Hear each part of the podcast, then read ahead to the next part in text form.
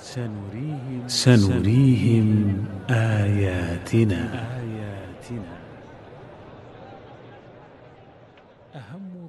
أهم ضوابط البحث في الإعجاز العلمي.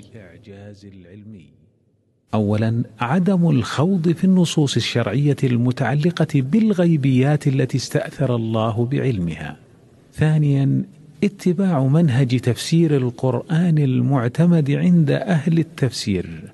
وهو تفسير القرآن بالقرآن وتفسير القرآن بالسنة الصحيحة وتفسير القرآن بما صحت نسبته من أقوال الصحابة وتفسير القرآن بلغة العرب أثناء عصر التنزيل.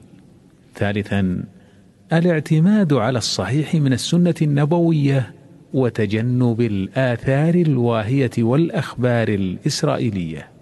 رابعا التأكد من ثبوت الحقيقة العلمية محل البحث.